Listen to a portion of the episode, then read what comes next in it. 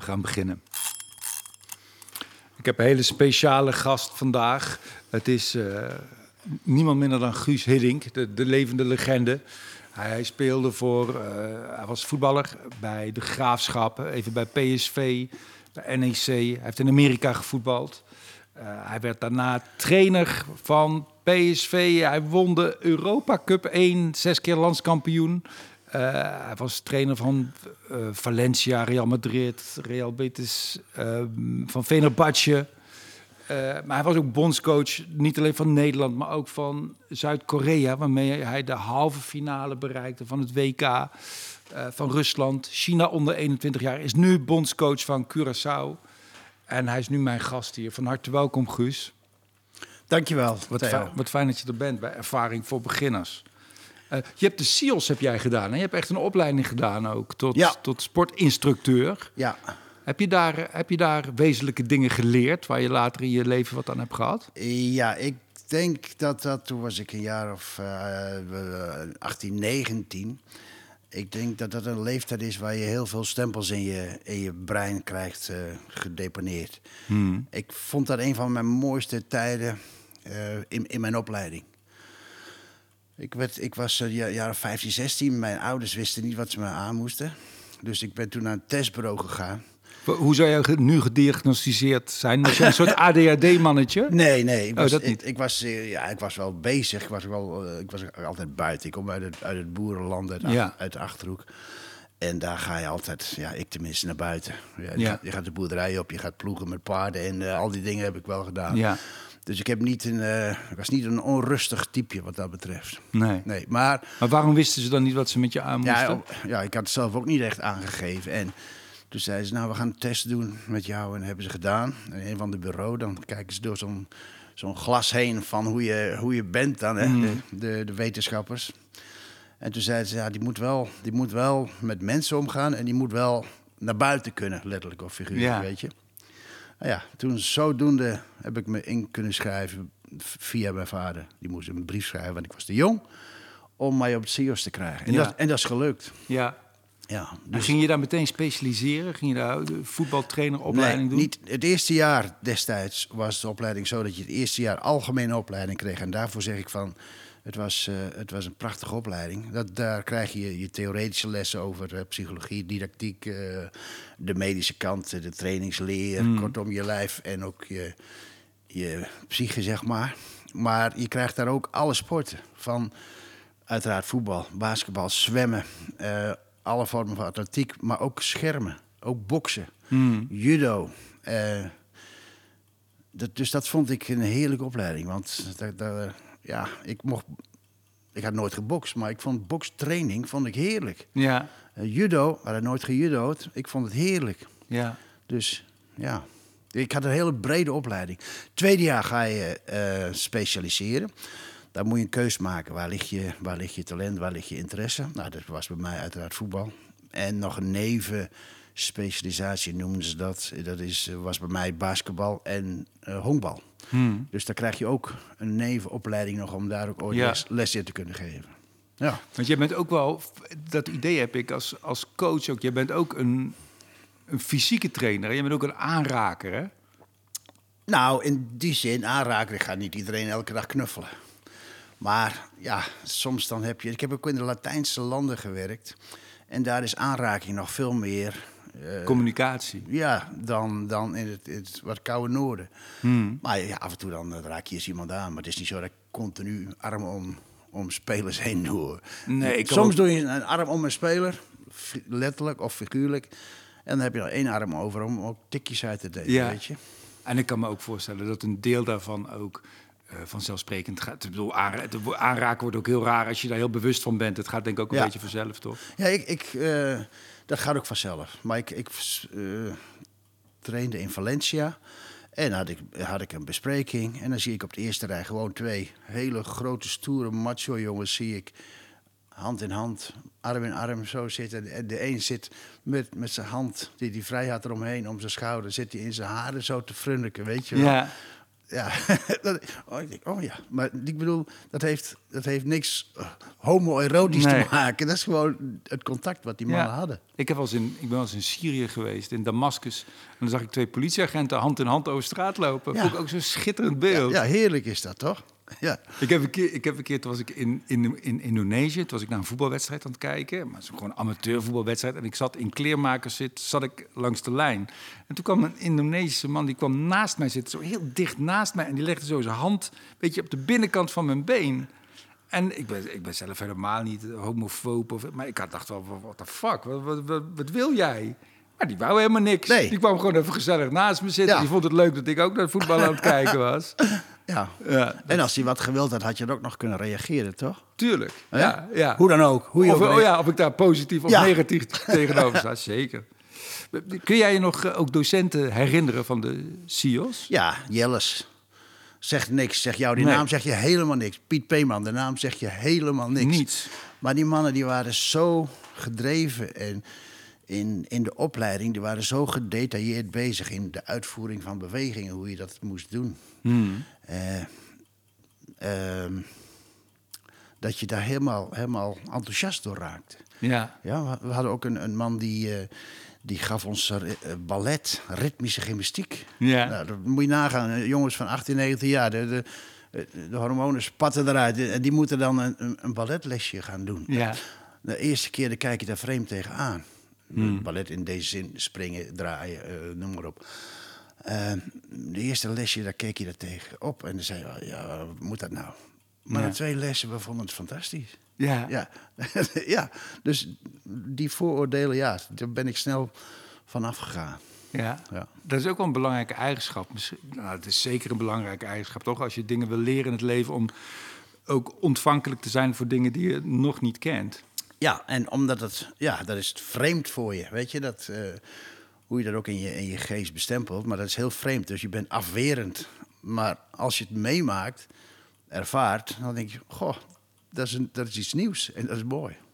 Je hebt best een bijzondere volgorde gemaakt van dingen. Want je hebt eerst die SEALS gedaan. Daar heb je volgens mij al een soort voetbaltrainer B-diploma Ja. gehaald. Het op één hoogste trainersdiploma. Ja. Eh, toen ging jij, werd je jeugdtrainer bij de Graafschap, als ik me niet vergis. Ja. Maar, maar toen ben je eigenlijk weer door de trainer eruit gehaald. En zegt van, hey, jij bent, jij bent klopt. nog hartstikke goede speler. Klopt. Ik wil dat je mee komt spelen hier in het eerste. Ja, ik had dus op, op jonge leeftijd, 20 jaar, 1, 21, had ik mijn B-diploma. Dat is nu uh, oefenmeester 1. Tegenwoordig moet je nog één diploma halen om alles te mogen trainen. Maar ik ging inderdaad eh, naar de graafschap om daar jeugdtrainer, assistenttrainer te worden. En, maar ja, dat is een, fulltime baan. Dus ik voetbalde niet meer. Ik heb voetbal gestopt. En eh, nou, er kwam wel eens een mannetje tekort op de training. En dan zei de trainer van, goh, doe even mee, want ik kom eh, anders niet gelijk uit. Dus ik mee.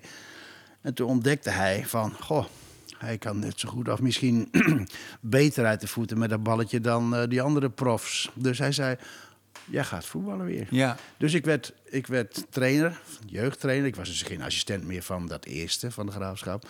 Maar ik werd voetballer en ik bleef jeugdtrainer. Dus die man, die zei, oh, verrek, jij gaat voetballen, vriend. Kom maar. Toen, toen, nam jou, toen, kreeg jou, ja, toen werd je weer echt voetballer. Je Ja. werd door PSV gekocht. Waarop jouw was geen succes. Nou ja, Willy van der Kuilen speelde op jouw plek, toch? Ja, jij zei ook net even PSV gespeeld, ik hoorde het wel. Maar dat even, dat zegt heel veel. Ja. Omdat ik daar, daar nu kom je op het punt, waar ik later ook weer voordeel van gehad heb als, als trainer. Je moet altijd heel goed kijken hoe je teams samenstelt. Als je te veel mensen die moeten concurreren, wat goede collega's kunnen zijn, maar voor een positie, ja, dan gaat dat niet goed. Dus ik, had, ik werd aangekocht.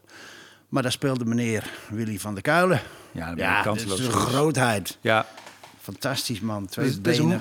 dat is- Maar een- speelden nog twee anderen op diezelfde positie. Dus we moesten met vier man voor één positie concurreren. Nou, dat, dat gaat dus niet goed. Ja. En ik speelde wel, ik speelde niet, ik speelde wel, ik speelde niet. Maar dat gaat op een gegeven moment irriteren, frustreren. Dat ik denk van ja, ik kan wel bij zo'n mooie grote club zitten, maar ik wil zelf voetballen. ja. Toen ben ik weer teruggegaan naar de graafschap, ben ik daar gaan voetballen weer. Het is een mooie overeenkomst tussen jou en een andere trainer... die het er ook wel aardig heeft gedaan, Louis van Gaal.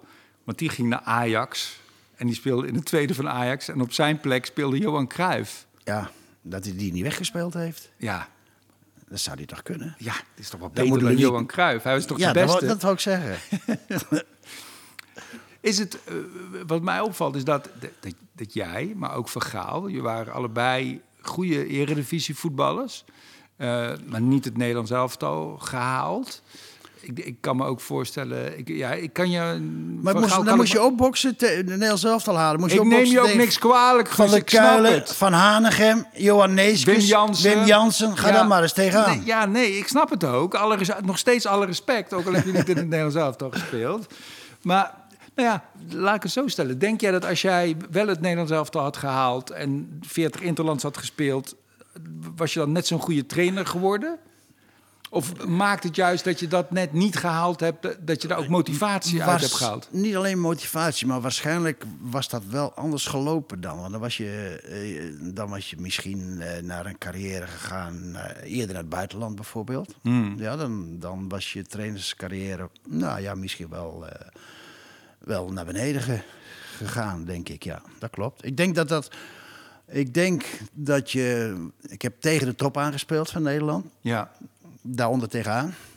Eh, dus niet de top. Dan, dan kun je vaak wel voelen wat nodig is om nog weer een laatste stap te, te moeten maken om top te halen. En dat is wel nodig om, om te denken als, trainer als trainer ook. Ja. Ja. Ja. ja, ik kan me ook voorstellen dat... dat Omdat, als ik je interrumpeer. Sorry, nee, sorry ik maar als, als, als, eh, als talenten, dat zie je vaak met hele talentvolle voetballers, wereld, wereldvermaarde voetballers, die hebben soms toch moeite om, daarna gaan ze trainer worden, om, om goede trainer te worden. Marco van Basten is daar een goed voorbeeld zijn, van. ja, er zijn er meerdere, maar die voelen zich niet helemaal zo lang op die, op die, in die positie. Ook omdat ze zich vaak moeilijk voor kunnen stellen van, je, je, jeetje, is dat nou zo moeilijk? Voer het nou uit, omdat zij het perfecte ding vaak in hun kop hebben, het perfecte plaatje. Dat heb je ook als, als trainer heb je dat ook wel. Maar zij begrijpen vaak niet van, goh, hoe kan het nou dat hij dat niet kan, weet je? Dat zie je, dat zie je heel vaak bij, bij topspelers die trainer worden. Ja, dat is logisch. Ja, omdat het eigenlijk heel vanzelfsprekend is. Voor hun is het heel vanzelfsprekend. Maar voor mensen die er net onder zitten, is het niet vanzelfsprekend. Dus als je, als je dat proces nou een beetje weet, kun je het misschien begeleiden om ze weer een stapje hoger te laten functioneren. Jij was, jij was assistent-trainer bij PSV onder eh, Hans Krijs senior. Die vertrok, jij werd hoofdtrainer. Toen werd jij als relatief jonge gast... kwam je voor een groep te staan met nogal wat karakters. Zo. Met, met eh, Lerby, Erik Gerert, eh, René van der Gijp, Ruud Gullit. Hoe, Koeman. Ronald Koeman. Allemaal mannetjes, alfamannen. Willem Kieft. Kieft, hoe deed jij dat? Hoe flikte jij dat? Nou, voor mij was het toen wel behoorlijk cruciaal. Hans Kraai die ging weg, senior, die ging weg in januari. En toen was het destijds het bestuur al, het driemanschap, die zei... nou, volgend jaar gaan we naar eh, Rinus Michels als trainer. Ja. Maar laat de assistent, ik dus, het tot eind van het seizoen overnemen. Hoe oud was jij toen, weet je dat nog? Eh, dat was in de vier, ik, ik was eh, begin 40 Ja. begin 40. En eh, laat onze assistent het overnemen tot eind van het jaar. En dan gaan we in principe door naar Michels toe. En ik zei, ja, ik vind het prima als ik onder Michels kan werken. Daar kan ik heel veel van leren. Dus, ehm, maar wij stonden op dat moment in januari, ik weet niet exact, maar rond de vierde plaats in de, in de eredivisielijst.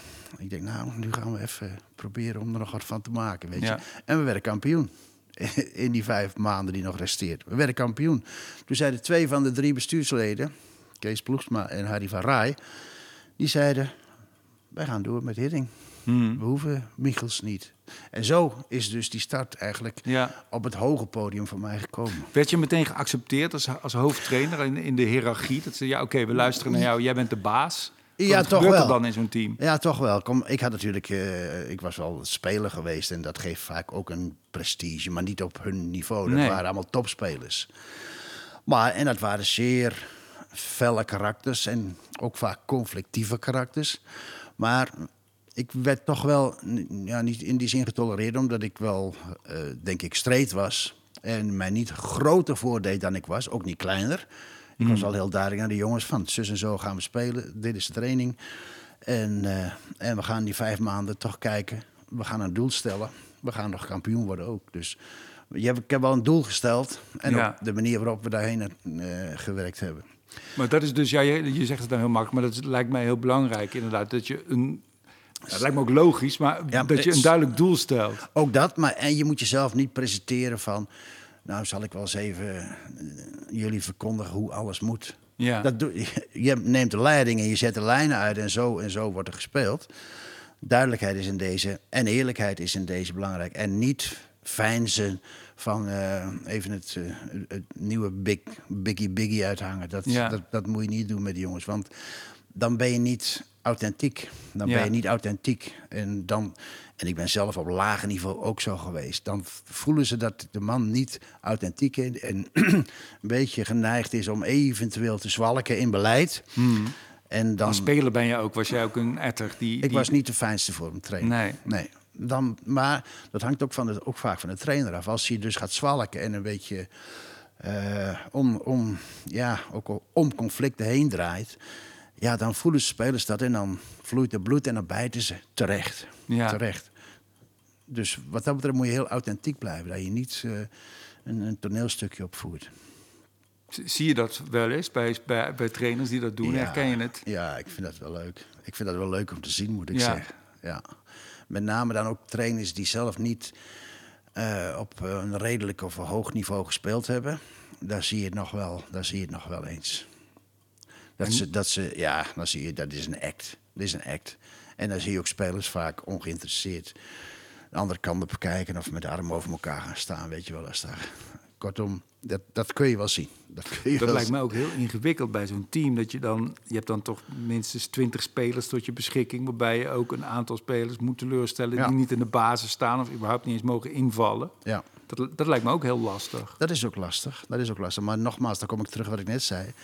Daar moet je niet. eh, daar- je moet ook nooit wat beloven. Ik heb ooit als jonge trainer een grote fout gemaakt toen ik jeugdtrainer was bij de graafschap. En dan had ik de beetjes, jongens van 14, 15 jaar. En daar gingen we spelen, de wedstrijd. En, maar nummer 12 en 13, die stonden dus aan de kant. Dus ik zeg tegen nummer 12 voor de wedstrijd. Ik zeg, jij komt tweede helft erin, joh. Tweede helft, weet je Ja. wel. Maar dat is voor jezelf, om hem... Om jezelf goed te praten naar zo'n jochie toe, die, Ja. die graag wil spelen. Ja, Dus eh, wij, wij spelen, ik weet het nu nog. Eh, en hij komt en ik, en ik breng hem niet in in de tweede helft. Dus hij heeft de hele wedstrijd niet gespeeld. omdat de wedstrijd anders liep dan je verwachtte. Ja, Ja, dus hij trekt me na afloop aan de mouw. terecht.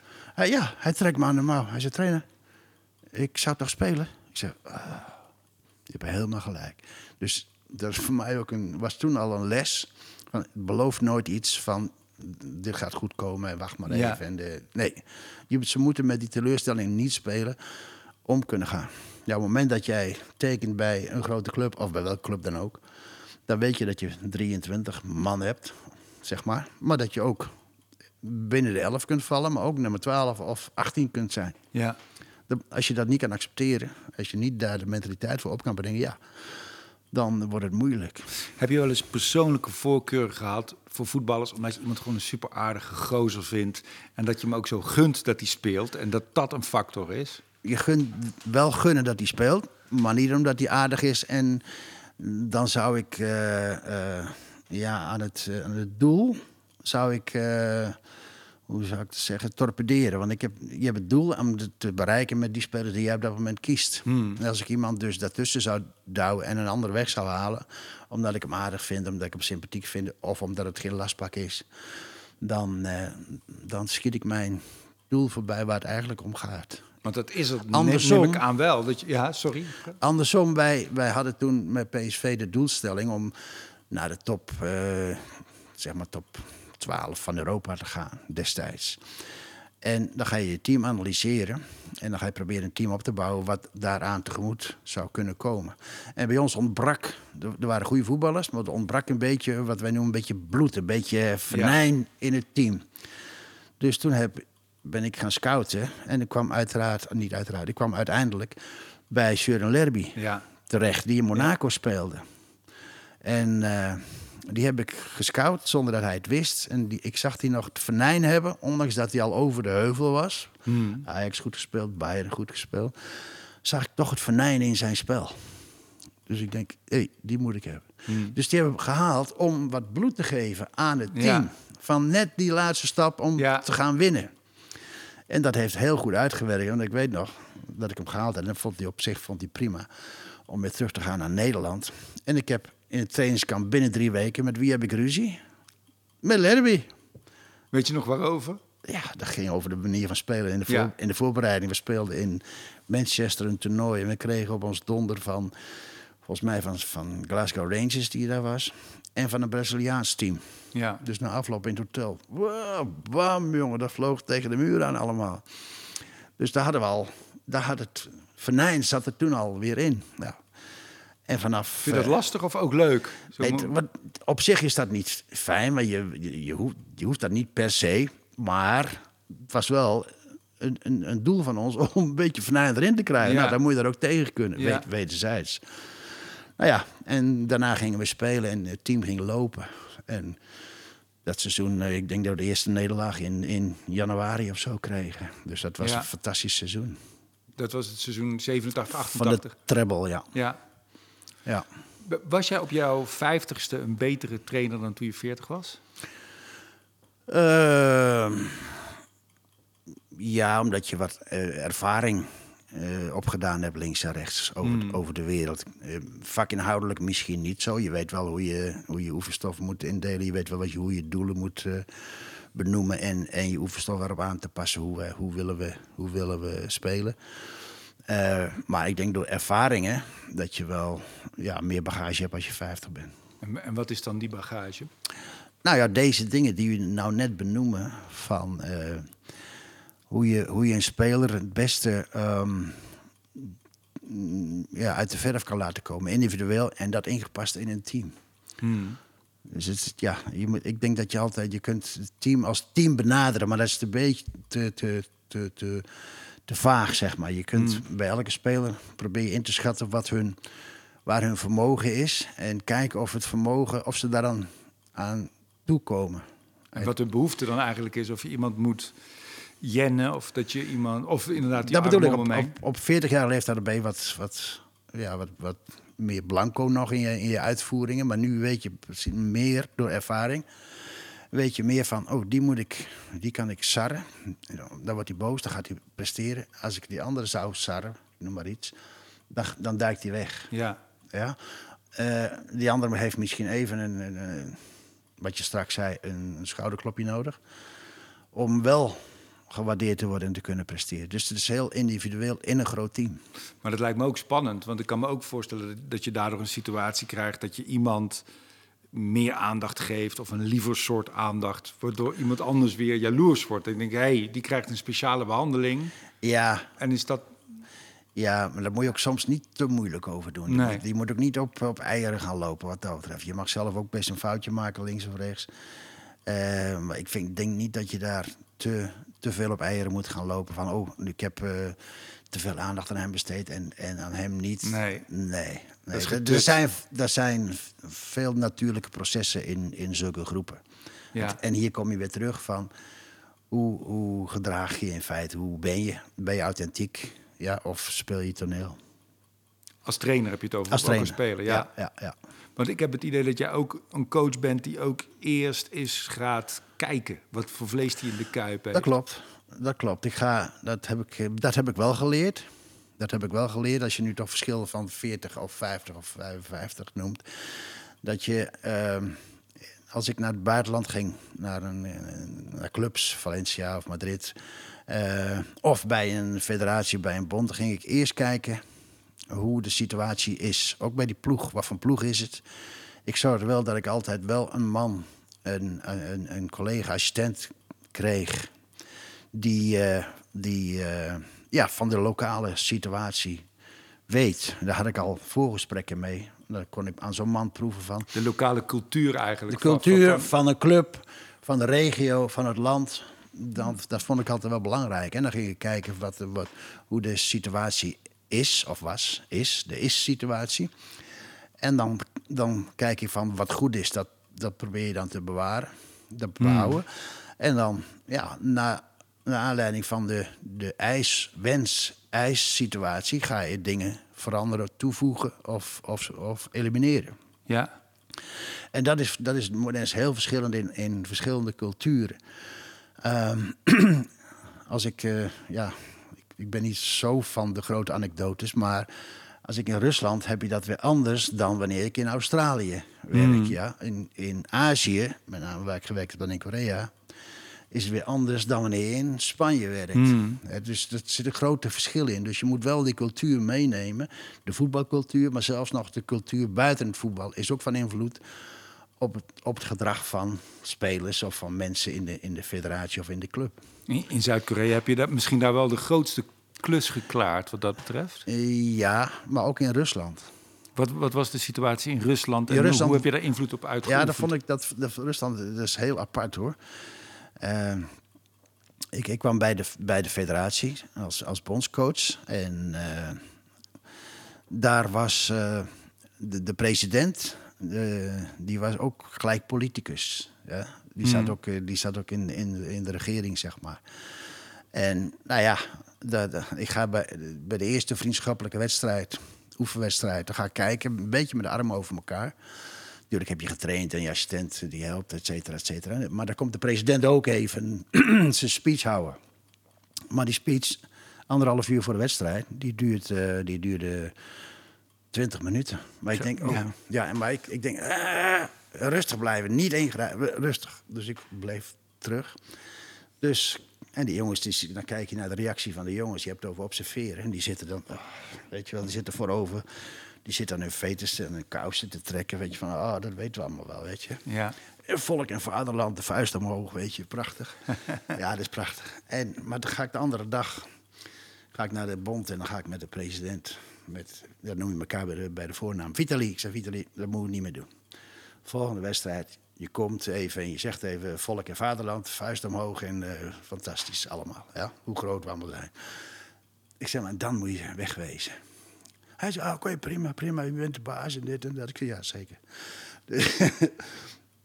de volgende wedstrijd begint. De, voorbereiding begint, een, een kwalificatie. En hij komt weer de kleedkamer. Jongens, even de... Vitali, de president, even... De, ja, nou, hij, hij begint. En inderdaad, 30 seconden, 45 seconden.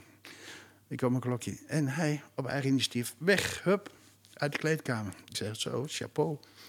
Maar ik loop met hem mee de kleedkamer uit en hij gaat rechts. Ik ga links. En ik zie hem in mijn ooghoek. Ik ben iets verder. Ik zie hem in mijn ooghoek, zie ik hem omdraaien. En weer die kleedkamer in. Ik denk, god, rustig, rustig, rustig. Wacht even, laat me gaan. Dus hij weer de kleedkamer in. En ik loop achter hem aan. En daar is hij iets eerder dan ik binnen. En begint weer van, "Eh, volk en... va-" En ik zeg, ik denk, nou, dat hebben we niet afgesproken, vriend. Dus die spelers die zien mij naar hem toe lopen. Ik pak hem zo bij de, mijn arm om zijn arm. En ik, nou, ik sleep hem niet, maar ik neem hem mee naar buiten. Ja. Dus die jongens is dan, wat gebeurt hier dan allemaal, weet je? Dus ja, zulke dingen neem je dan, omdat, ja, die jongens waren al gewend elke keer dit te horen. Ja. En ja, hun functioneren, we zeggen ook vaak, waarom hebben die zo'n neutrale kop? Ook die spelers hadden dat van Ja, mij. expre- qua expressie. Expressieloos, Ja, zeg ja, maar. ja, dat denk maar ik ja, wel, dat, is, dat is een soort bescherming om geen fouten te maken. Want autoriteiten Ja. kunnen straffen als spelers fouten maken. Autoriteiten straffen zichzelf nooit. Nee. Nee, nee. Dus daar, ik ga dus de clash met een autoriteit. Dus ja, dat heeft voor mij twee, twee gevolgen. Of ik ga door en ik wil de jongens hebben op een hoger niveau waar ik ze wil hebben. Dat ze echt ook in hun laatste, dat ze spontaner gaan presteren. En niet, niet met een soort deken op hun rug zitten van, oh, angst. Of de president zegt, dan flik je me nou. Ja. Wegwezen. Ja. Dat neem ik op de koop toe, dat Ja. Dat is wel interessant aan... aan Maar ik kreeg daarna, kreeg ik die spelers, die, die zeiden van, oeh, hier gebeurt wat. ja, die hebben dan opeens nog meer respect voor jou. Ja, maar dit, hier gebeurt wat. En toen kun je die spelers ook zeggen van, mama, hey, vrienden, nu zijn jullie aan de beurt. Ja. Ik ben aan de beurt om te presteren, nu zijn jullie ook aan de beurt om Ja. te presteren. Ja. Je kunt niet meer, je kunt niet meer blijven hangen in, in de, de grijze middenmoot. Je moet nu Je moet nu excelleren. Ja, mooi. Dat zijn processen die, omdat die lokale cultuur heeft daar invloed op. En dat heeft ook in Australië, dat heeft ook in, in Korea, heeft dat ook eh, zijn invloed. Dus dat neem ik altijd wel mee als ik ergens Ja, naartoe ga. En dat zou ik misschien niet doen, gedaan hebben als ik 35 of 40 was geweest. Omdat je dan het lef niet zou hebben. Nee, want dan neem je ook vaak, misschien uit bescherming, je eigen trainersgroep mee. Dat zie je wel. Dat dan vaak hele grote trainersgroep, assistent, bekenden uit je eigen land meenemen. Ik neem er altijd één vakmannetje mee. Maar voor de rest wil ik wel lokale, regionale mensen hebben die, Ja. die eh, in die groep zitten. Ik heb wel eens gehoord dat ook trainers die zowel in Duitsland als in Nederland hebben gespeeld, is dan notabene een buurland, maar toch ook meteen een hele andere cultuur. We zijn natuurlijk een heel klein voetballandje, maar dat Nederlandse voetballers tactisch eigenlijk heel goed zijn, omdat ze het lef hebben om zelf na te denken. En dat Duitse voetballers veel meer doen wat er gevraagd wordt. Terwijl in een wedstrijd moet je continu zelf beslissingen nemen. Ja, nee, dat klopt. Dat klopt. In Nederland eh, ja, brengen we de spelers groot om zelf, eh, zelf goed eh, na te denken en, en ook inderdaad een beslissing te nemen. Dat heeft ook een valkuil. Dat ze elke keer maar vragen van, ja, maar, maar hey, hallo, waarom, waarom moet dit en waarom dit en Ja. waarom dat? De Duitser die, is, die, die zegt van, eh, ik volg.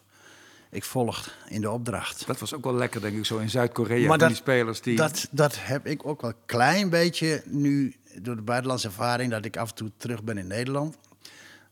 En dat is misschien niet eens goed, maar hij zegt van eh, niet elke keer vragen waarom. Ja, Niet elke keer vragen waarom, weet je. Ja. dus daar zit ook weer een, een, een, een balansje aan van uitvoeren, doen. Want dat- Natuurlijk, natuurlijk moeten ze dat vragen, en omdat je dat, wij willen dat graag in Nederland. Maar aan de andere kant, de, de, de- het volgen in het, in het buitenland, het werken zonder. Natuurlijk moet je veel nadenken, dat snap Hmm. ik ook. Maar het is. Ja, de balans. ja, ja, het is inderdaad balans. Het is inderdaad balans. Want dat vind ik ook heel mooi. Maar ja, dat heb je al veel vaker. Dat ga ik je niet nog een keer vragen. Maar dat heb je vaker verteld. Maar dat vind ik een heel mooi verhaal. Hoe je dat in Zuid-Korea hebt aangepakt. Met eigenlijk die hiërarchie die daar ook heerst. En het, over, Ja. en het grote respect wat jonge spelers hebben voor oude spelers. Ja. Waar je in het veld alleen maar last van hebt. En dat je dat heel Ja. erg do- doorbroken hebt. Ja, dat is een ander soort respect wat je eigenlijk zou willen. Ja. Dat is geen, geen zuiver respect, maar dat is, dat is gekomen door, door de, de, de, de maatschappij. Wat ik, ik, vind dat, ik vind dat prima, want dat is een heel groot, heel groot respect en beleefdheid. En alle, eh, ja, bij wijze van spreken, als je je portemonnee ergens laat liggen, dan komen ze hem nabrengen van... hier, u bent uw portemonnee vergeten, meneer. Maar omdat je daar als, eh, dat is de anciëniteit, is daar ook nog eh, van, van, van kracht, zeg maar. Als je een jaar ouder bent, dan kan ik bepalen wat je in feite moet doen. In het team ook. Ja. Dat gebeurt ook in het team. Ja. En ook dat zag ik later in bedrijven. Jonge mensen mochten daar, die, wel, die vaak heel creatieve ideeën hebben, die, die konden die ideeën niet kwijt. Ja. Omdat ze dan eigenlijk in feite de eer van de oudere werknemer aantasten. Hmm. Dus dat was heel gevoelig. Ja, dat gaat ten koste van de evolutie eigenlijk. Ja, maar dat is Ja. contraproductief natuurlijk. Hè? En later zijn die bedrijven, wat dat betreft, heb ik gehoord wel eens, zijn ook anders gaan denken van jonge mensen. Hey, breng in wat je in te brengen hebt. En zo was het ook dus bij het voetbal. En dat ik soms situaties zag dat jonge spelers die, die bij wijze van spreken een, een doelpunt konden maken in de training, die, die keken om zich heen en die wachten tot een, een oudere speler ook even meekwam om een balletje binnen te tikken, weet je? Ja. Ja. Dus ik dacht, ja, dat, dat, dat kan niet. Maar dat had te maken met die hiërarchie. Zelfs in het, in het eh, voetbal zelf, op het moment dat je heel druk bezig bent, hebben ze nog in hun kop zitten van, oh wacht even, nee, ik, oh wacht even, ik moet even mijn oude, oude medespeler de eer gunnen. Dus ja, dat ga je doorbreken. Ja, hoe doorbreek je dat? Ja, je observeert weer in de eerste weken. Als we dus samen zaten te lunchen, de eerste keer, of, of s s'avonds eten, dan zag ik vijf tafels. Die waren neergezet door, door mijn helpers, de organisatoren rondom mijn ploeg. Er zat één jonge tafel van mm, jongens van 18 tot 21. De tweede tafel was eh, 22 tot, v- tot v- 24. Ja. De derde tafel was, was 25 tot eh, 28, 29. En de vierde tafel was de, oude, de oudjes, zeg maar. De, de, de, de jongens die al heel lang eh, op niveau gespeeld hadden, van 30 tot 2, 33. Wat gebeurde dan? Als een diner van de oudjes die konden eerst naar hun buffet lopen, hun, Ja. hun, hun bordje vullen. En dan gaven ze een minzaam knikje naar tafel 2. En dat ging zo door tot eindelijk de jonkies ook aan de Ja. beurt kwamen. Dat is, eh, op zich is dat, denk ik van ja. Maar ik denk, hé, hey, ik moet een paar dingen doorbreken hier, onder andere dat. Eh, dus ik zeg de andere morgen tegen, tegen een paar jonkies die vroeg waren. Ik zeg, jullie gaan aan tafel 4 zitten. Nu, nu. En andere, jullie gaan aan tafel 3 zitten. Twee, ja. Ja. Dus, en dan kwam iedereen daarna binnen. En ze toch, dan worden ze onrustig. En dan gaan ze kijken. Ja, er zit iemand op mijn plek. Nee, nee, nee. Zoek maar een stoel. Ga maar zitten. Daar is nog een stoel vrij. Daar is nog een stoel. Ga maar zitten waar je wil. Ja, Dus ja, dat was even tumult bij de namen, de oudere, ja de mooi. oudere spelers. En, ja, en dan kun je wel zeggen, oké, leuk. Wat heeft dat met voetbal te maken? Direct heeft dat wel van elkaar. In de beste positie moet je, moet je het beste gunnen voor elkaar. Mhm. Dus dan praat je dan wel over wat is dan de relatie met waar het uiteindelijk om gaat. Is om te presteren op het veld. Ja, Dus die, dat, dat probeer je wel een link te leggen. En dat ga je ook met die groep duidelijk bespreken. en dat werd ook opgepakt. En dat wordt dan opgepakt, ja. Ja. Dat is mooi. Ja, er zijn twintig boeken geschreven over jou. Het Koreaans heb ik ook allemaal gelezen. Mijn Koreaans is vrij aardig. Ja, is goed, ja. Het is wel bijzonder wat je En je daar... Noord-Koreaans ook goed? Eh, die spreken dezelfde taal, toch? Hmm. Ja. Ik ben er geweest wel eens in Seoul. Ik ook. geweldig. Ik- ja, ik ook, Seoul en. Pyongyang. Ben je nooit in het noorden geweest? Nee, nee, daar ben ik niet geweest. Ja, ik ben nee. er wel geweest. Ja. Ja, heel apart. Maar goed, dat is een zijsprongetje. Wat, je, wat jij, nou, je hebt daar mensen zeker wat geleerd. Dat vind ik heel bijzonder. Dat lijkt me iets om trots op te zijn. Eh, misschien kun je dat zelf niet zo ervaren. Wat, wat, heb jij daar geleerd?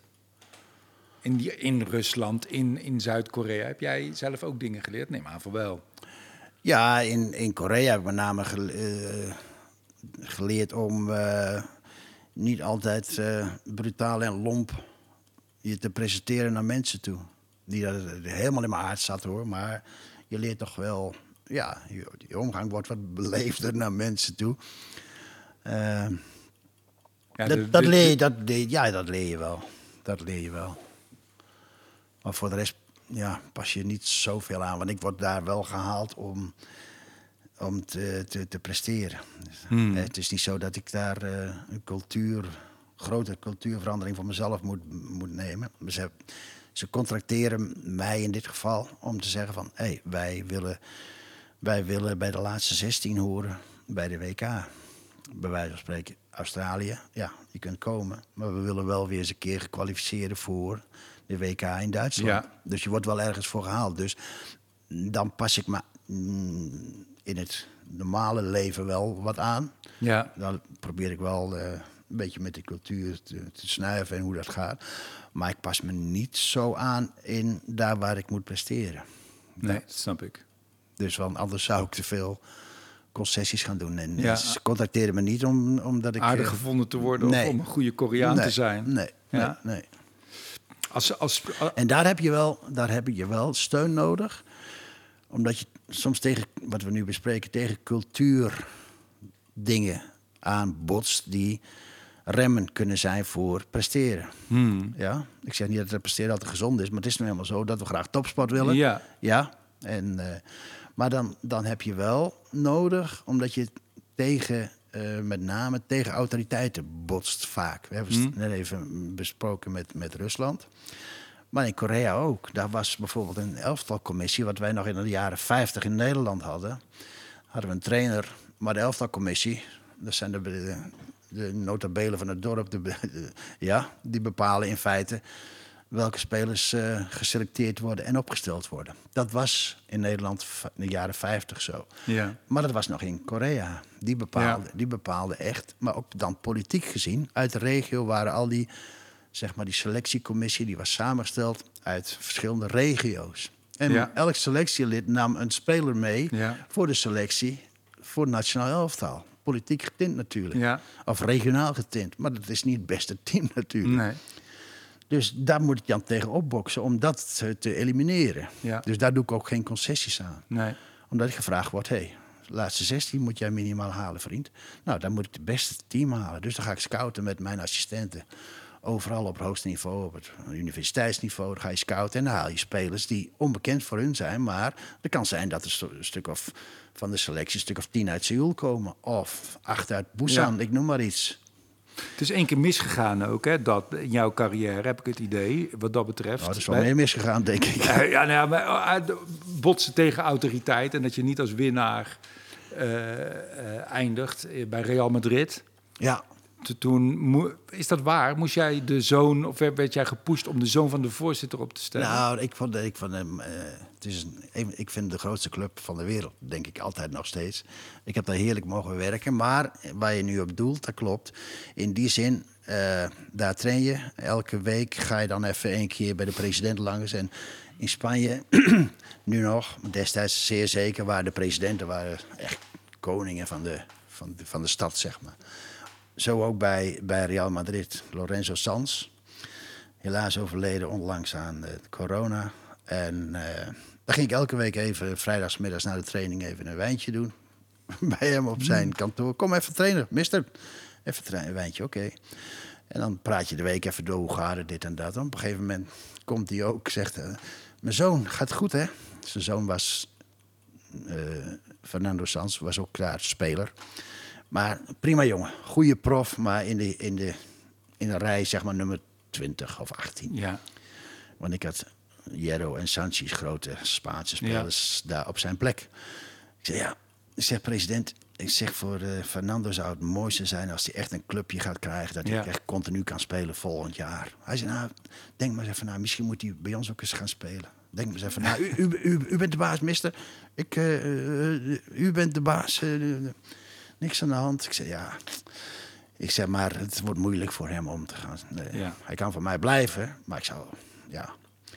Nee, nee, nee, nee. Dus ik, ik, loop weg, ik loop weg uit het kantoor. Ja, ik daar ga ik nooit concessies aan doen natuurlijk, ook al is het de president. Hij zei, en, oh ja, even, mister, en gaan we ook even, moeten binnenkort ook even praten over verlenging van het contract. Weet je? Ik zei, oh ja, da, ja, ja. ja. dus ik, toen had ik alleen en 1, 2 opgeteld. Ik denk, ja, maar ik ga nooit daar concessies aan doen. Want dan verlies je al je authenticiteit, waar we ja, straks over hadden. Spelers die Je ruiken auto- dat, dat ja, het niet tuurlijk. klopt. Je Ja. autoriteit verlies je in de kleedkamer. Ja. Nou, dan hoef je maar één keer of twee keer te verliezen. Dan gaat dat werken. Nou. Als ik toegegeven had, dan had ik daar nog één jaar, twee jaar misschien kunnen werken. Hoewel, in, in die, in die clubs gaat het heel snel. Maar daar, daar moet je nooit aan toegeven. Nee. Want dan verlies je gewoon voor de, voor de, voor de kleedkamer, voor het team, verlies je autoriteit, je authenticiteit, maar ook voor jezelf helemaal. Hmm. Dus dan kun je zelf nooit meer goed nadenken van ja, jezus, wat, wat, heb, ik hier, Ja. wat heb ik hier nu geflikt? Ja, heb ik mezelf geweld aan gedaan. Dat moet je niet doen. Als speler ben je denk ik, maar daar speelt het fysieke aspect natuurlijk een grote rol. Ben je denk ik op je 28, 29ste ben je optimaal. Dan ben je fysiek eh, helemaal sterk. Je, bent, je hebt veel ervaring al. Is er een moment als trainer dat je op je best bent? Denk je? Nou, ik denk, ik denk dat dat over een veel langere periode kan zijn. Bij spelen heb je gelijk, dan ben je eh, op je piek, ben je zo 26, 28 zo. Dat, dan ben je echt, echt sterk. En Tenminste sterk in balans. Je bent misschien nog sterker als je 22 bent of 23, kun je nog sterker zijn. Ja. Maar, maar dan, heb je nog niet die maar ervaring. dan ben je nog niet in balans. Dan moet nog even hier iets in de bovenkamer nog iets meer ervaring en iets meer groeien. Dus je bent inderdaad op die leeftijd het sterkst. Ik denk als trainer dat je dat veel langer uitgesmeerd kunt krijgen. Omdat je, A, je hoeft fysiek niet, eh, niet, niet eigenlijk eh, veel te doen. Maar je moet wel in je, in, je, in je geest heel flexibel en scherp blijven. Om op top te kunnen blijven functioneren. Dus je moet je dan ook wel ja, altijd open blijven staan om nog om adviezen, raad te, te- tot je te nemen en daar wat mee te doen, of niet. Dus je moet wel open blijven in je, in je, in je kop Mhm. om langer op niveau te blijven. Maar ik kan me ook voorstellen, in topsport zit je natuurlijk ook in een rare tunnel. Je moet iets heel belangrijk maken. Wat als je wat ouder en wat wijzer wordt, ga je misschien ook inzien dat het niet zo heel belangrijk is. Op een gegeven moment is Nee, het misschien je leert belangrijker dat het goed gaat met je, met je zoons dan of je wel of eerst of tweede wordt in de competitie. Ja, nee, dat is ook zo. En dat lijkt me, als, als mens word je daarvan rijker, rijper en wijzer. Maar als trainer moet je, is dat misschien niet ideaal. Nee, dat, dat, dat klopt ook. Je moet op het moment ehm, dat je, als je moet presteren, je gaat trainen en je gaat eh, wedstrijden spelen, dan kun je niet meer relativeren. Nee. Je mag dan ook niet relativeren. Zo gauw het over is, ja, dan, dan kan die knop weer om als je dat beheerst. Om te denken van ja, er zijn andere en nog belangrijkere dingen. Maar op het Mhm. moment dat, jij, dat wij bezig zijn op het veld, dan, dan ben je uiterst scherp op uitvoering van wat we willen. Ja. En daar moet je dan geen, als je daar concessies aan gaat doen, dan ga je in feite achteroverleunen. En dan, eh, dan ben je niet meer bezig om, om, om top te gaan presteren voor jezelf. En, en dan ben je ook niet meer uitdagend genoeg naar het team toe. En dan denk ik, dan moet je even twee stapjes terug doen. ja. Dat moet je wel organiseren. Hoe bedoel je? In die zin dat je wel altijd mensen om je heen verzamelt die durven, die durven jou in de ogen te kijken en zeggen van, hé, hey, Bos, trainer, hoe denk je daarover? Wat deed je daar? Of wat dan ook. Mm. Dat vraag ik wel altijd.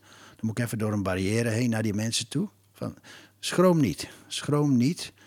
Als je denkt van, hé, hey, ik zie dat of dat of dat. Dat is mijn mening.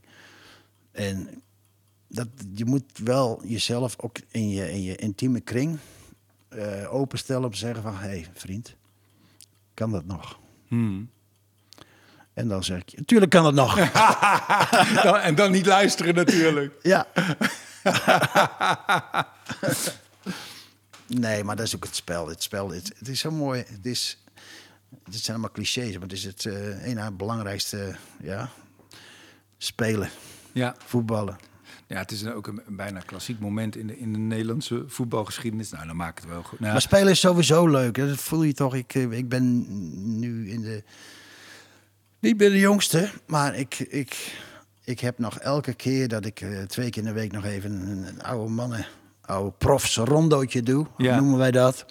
Nou, daar verlang ik gewoon naar. Daar, daar, daar zet ik mijn hele weekschema, als ik dat nog zou hebben, zet ik daar op vast. Dat heb ik in het verleden ook gedaan. ja, geweldig is dat je. Je voetbalt gewoon nog steeds. Want Ja. je bent 74. Ik ben 74. Ja. Maar, maar nou, voetballen, dat is gewoon rondootjes. Omdat ja. Je, je linkerbeen functioneert nog fantastisch, zeg ik dan altijd. Ja. Maar ik kwam zelfs, ik ging, ik pakte, als ik in het buitenland werkte en ik moest even terug, wilde terug, terug naar Nederland, pakte ik een vliegtuig eerder om wel te kunnen voetballen om één uur. ja. S maandags, middags. Dat, maar dat is spelen. Dat is gewoon leuk om te spelen. Want dan ben je, ja, dat is een, een catharsis, daar word je schoon van. Ik vind het mooi als ik aan jou denk. Dan denk ik wat de kracht van jou is, is dat jij. eh, je bent uiteraard een man geworden, maar je bent ook altijd een jongetje gebleven. En je bent een cosmopoliet geworden, maar je bent ook altijd een achterhoeker gebleven. Je hebt, je hebt, je hebt het Eén sluit de ander hoeft er niet uit te sluiten. Nee, nee, vind dat blijkt. Ja, ik vind dat... eh, ja, ik vind het heerlijk. En eh, ik kan ook genieten van mensen die een beetje dwars, dwars er tegenaan kijken... en een heel andere visie hebben. Dat is niet alleen op sportgebied. Maar dat is met name in, in jouw gebied vind ik dat ook heerlijk. Mensen die, die dwars tegen, tegen allerlei conventies ingaan. Dat vind ik, ja, vind ik heerlijk om naar te luisteren. Het is niet om je naar de mond te praten, maar je zit hier nu. Maar er zijn buiten jou nog een aantal dat ik denk van... Goh, dat vind ik heerlijk om te luisteren. Ja, Maar het is wel een mooie tact, want je vertelt het eigenlijk ook dat je dat doet eigenlijk bij een club. Maar ik vind dat je daar zelf ook een voorbeeld van bent. Dat je eerst, als je gaat kijken naar een team, eerst kijken wat goed is. En dat behouden, conserveren en, en kijken wat er nog verder te ontwikkelen valt en wat er, wat er beter te maken is. Eigenlijk je is moet- dat een hele simpele ja, dat, en werkzame strategie. ja omdat je, je komt ergens en als je ergens naartoe gaat... dan willen ze wel dat je een stapje meer laat presteren. Maar er zijn wel goede dingen natuurlijk. Je kunt ergens naar binnen gaan en je gooi alles overhoop. Nou, er zijn natuurlijk ook goede dingen in, in, eh, in, in die voetbalwereld waar zij gepresteerd hebben. Ja. Nou, daar moet je kijken wat goed is, moet je behouden. En dan kijk je waar je, waar je kunt slijpen of waar je nog wat aan kunt brengen. En, eh, maar dan moet je wel weten hoe, hoe, hoe de situatie is. Je bent nu bondscoach van Curaçao. Wat, wat ben je daar nu aan het uitspoken? Wat is daar al goed? En, Ja, of, of is het, is, is het ik ben daar. Ja, dat is een, maar een hele serieuze hobby. Een hobby Ja. met hoofdletters. Ehm, ja, daar, daar zijn we bezig gegaan. En eh, nou, we proberen nu ja, spelers te recruteren. Ze hebben goed gepresteerd. Ze hebben behoorlijk goed gepresteerd de laatste jaren. Eerst met Patrick Kluivert en daarna met zijn assistent, later uh, bondscoach ook geworden. Die hebben goed gepresteerd. Maar nu willen ze nog weer een stap verder. Ja. Om te kijken wat de mogelijkheden zijn. Met nog weer spelers die overal in Europa spelen. Met een, met een Nederlands Curaçao's paspoort. is Rome daar de keeper?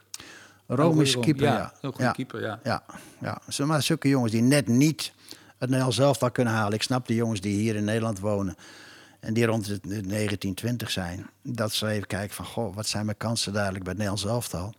Maar als die nu in een paar maanden daar ja, niet voor een aanmerking komen, dan lijkt mij, als je dat ambieert, een mooie route om te kijken via Curaçao wat je nog kunt bereiken. Ja. ja. Als jij, als jij toen je, ja, het is een raar hypothetische vraag, maar als jij, toen je, toen je twintig was, hè, had jij iets, als je toen had geweten wat je nu weet, had, had je dan meer kunnen bereiken als, als voetballer? Ehm, nou, dat zou best kunnen. Ja, ik denk, ik denk, ik denk wel. Maar goed, dat is, dat is zeer hypothetisch natuurlijk. Hè? Want dan zou je de mensen al, al volmaakt maken als hij twintig is. En dat kan natuurlijk niet. Niet dat ik volmaakt ben, daar, daar gaat het niet om. Maar de, bagage die ik nu de laatste jaren of tientallen jaren verzameld heb...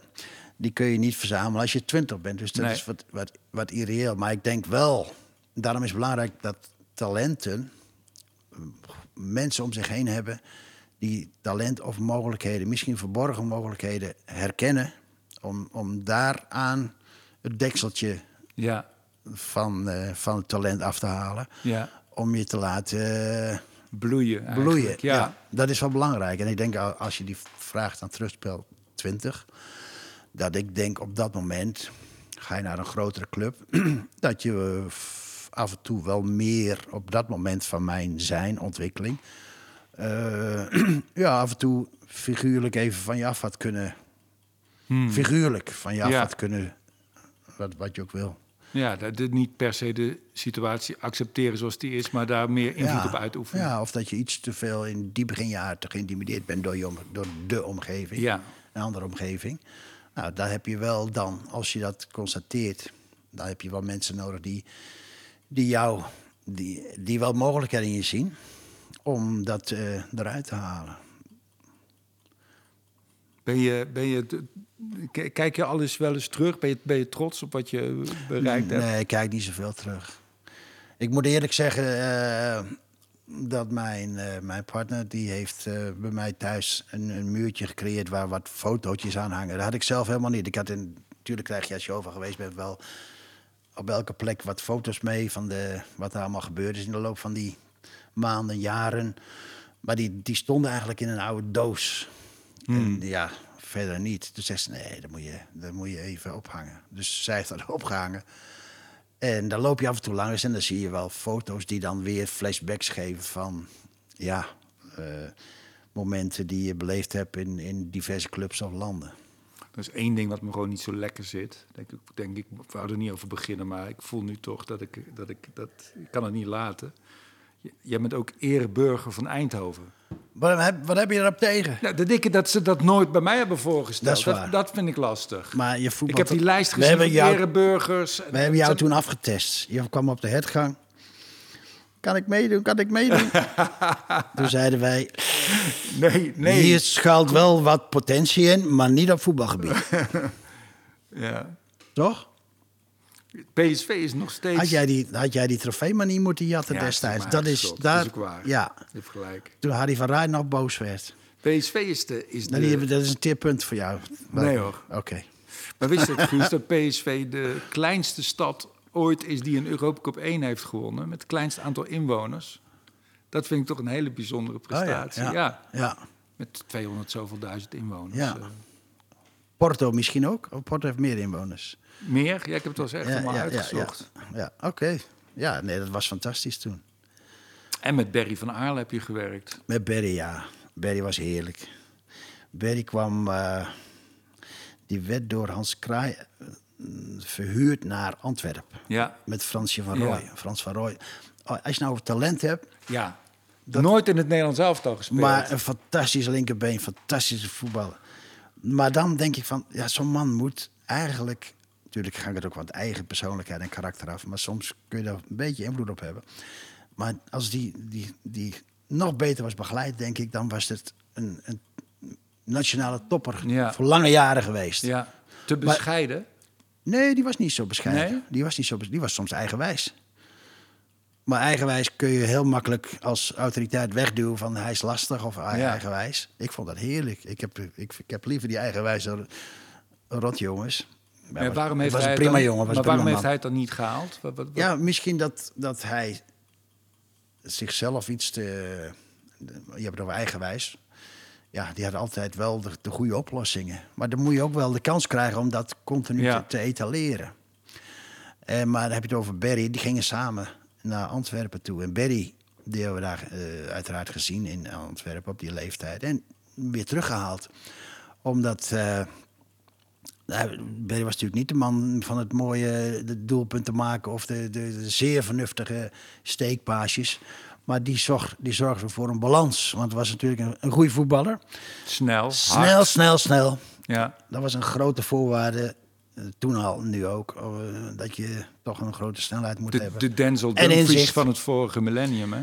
Ja, maar ik denk dat hij nog inderdaad nog weer anders was. Hij kon ook op het middenveld. Want ik heb destijds hadden we ook Erik als, Ja, eh, als rechtsback. opkomende rechtsback. Dat is niks nieuws van de huidige tijd hoor. Nee. Nee, dat was toen ook al. Maar Barry die speelde vaak dan op het middenveld, omdat hij heel goed kon compenseren. Waarom werd Ronald Koeman werd hij topscorer als libero bij PSV? Niet topscorer, maar hij scoorde 22 goals op een gegeven moment in het seizoen. Als libero. Omdat hij continu in kon schuiven. En Barry zorgde voor de compensatie. Ja. Voor de balans in het team. Dus die waarde is heel groot van, van zo'n man. En dat moet je dus...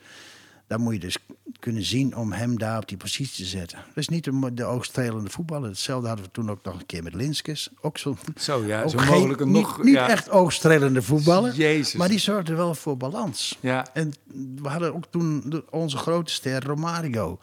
Nou, Romario die wist precies wat hij kon. En die eh, was soms een beetje, een beetje moe, zei hij dan ook. En, en mensen zeiden, pardon, hij is lui. Maar talent, hij wist precies wat hij wel en niet moest doen. Maar ja, je krijgt dan wel eens een keer de, de, de, van de jongens zoals... Nou, Barry bijna nooit. Maar andere jongens zeggen van... laat die Romario ook eens iets meer gaan werken. Ja, hij noemde ook die spe- andere spelers werkpaarden. Ja, toch? ja. nou, maar dat is heerlijk. Maar dat zijn, die ruiken ook precies.